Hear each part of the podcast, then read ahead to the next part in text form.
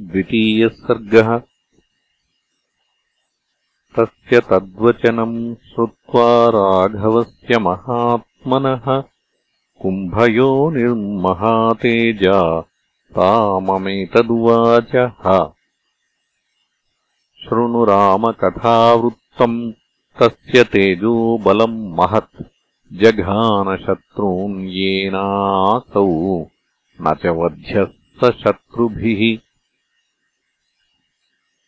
तावत्ते रावणस्येदम् कुलम् जन्म च राघव। वरप्रदानम् च तथा तस्मै दत्तम् ब्रवीमि ते। पुराकृतयुगे राम प्रजापतिसुतः प्रभुः कुलस्त्यो नाम ब्रह्मर्षिः साक्षादिव पितामहः नानुकीर्त्या गुणास्तस्य धर्मतः शीलतस्तथा। प्रजापतेः पुत्र इति वक्तुम् शक्यम् हि नामतः। प्रजापतिसुतत्वेन देवानाम् वल्लभो हि सः। इष्टः सर्वस्य लोकस्य गुणैः शुभ्रैर्महामतिः। स तु धर्मप्रसङ्गेन मेर्वोः पार्श्वे महागिरेः। तृणबिन्द्वाश्रमम् गत्वा न्यवसन्मुनिपुङ्गवः। तपस्तेऽपे स धर्मात्मा स्वाध्यायनियतेन्द्रियः गत्वाश्रमपदम् तस्य विघ्नम् कुर्वन्ति कन्यकाः। देवपन्नगकन्याश्च राजर्षितनयाश्च याः क्रीडन्त्योऽप्सरसश्चैव तम् देशमुपपेदिरे। सर्व तुषूपभोग्यत्वात् रम्यत्वात् काननस्य च। नित्यसप्तास्तु सर्वतुषूपभोग्यत्वात् रम्यत्वात् काननस्य च। नित्यशस्तास्तु तम् देशम् गत्वा क्रीडन्ति कन्यकाः देशस्य रमणीयत्वात् पुलस्त्यो यत्र सद्विजः गायन्त्यो वादयन्त्यश्च लासयन्त्यस्तथैव च मुनेस्तपस्विनस्तस्य विघ्नम् चक्रुरनिन्दिताः। अथ क्रुद्धो महातेजा व्याजहारमहामुनिः या मे दर्शनमागच्छेत्।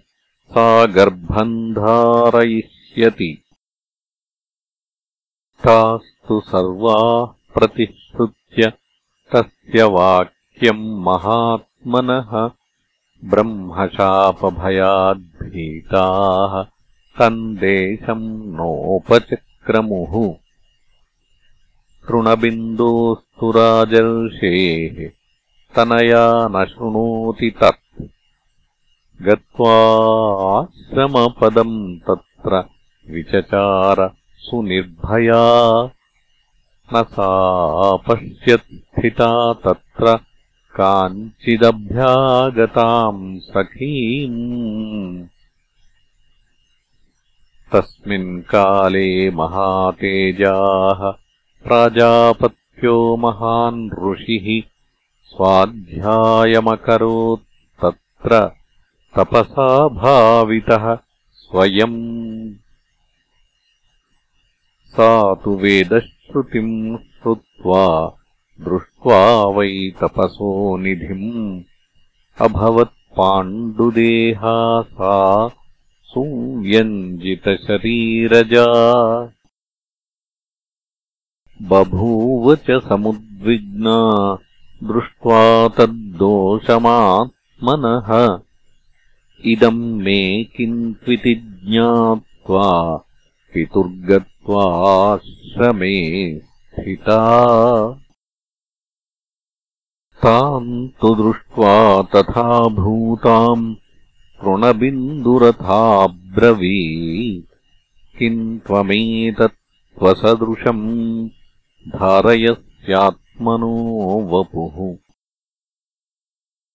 ताम् तु दृष्ट्वा तथा भूताम्। तृणबिन्दुरथाब्रवीत्। किम् त्वमेतत्त्वसदृशम्? धारयस्यात्मनो वपुः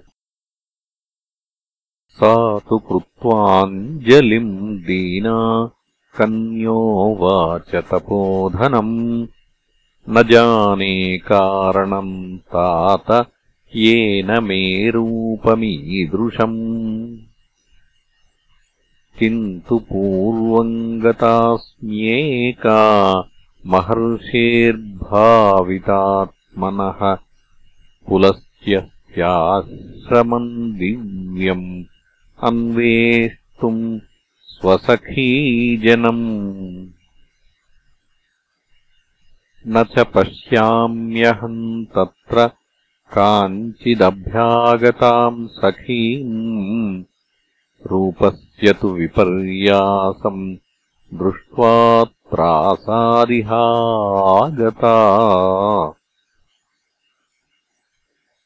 तृणबिन्दुस्तु राजर्षिः तपसाद्योतितप्रभः ध्यानम् विवेशतच्चापि ह्यपश्यदृशिकर्मजम् स तु विज्ञायतम् शापम् महर्षेर्भावितात्मनः। गृहीत्वा तनयाम् गत्वा पुलस्त्यमिदमब्रवीत्। भगवंस्तनयाम् मे त्वम् गुणैः स्वैरेव भूषिताम् भिक्षाम् प्रतिगृहाणे माम्। महर्षे स्वयमुद्यताम्। तपश्चरणयुक्तस्य साम्यमाणेन्द्रियस्य ते शुश्रूषणपरा नित्यम् भविष्यति न संशयः।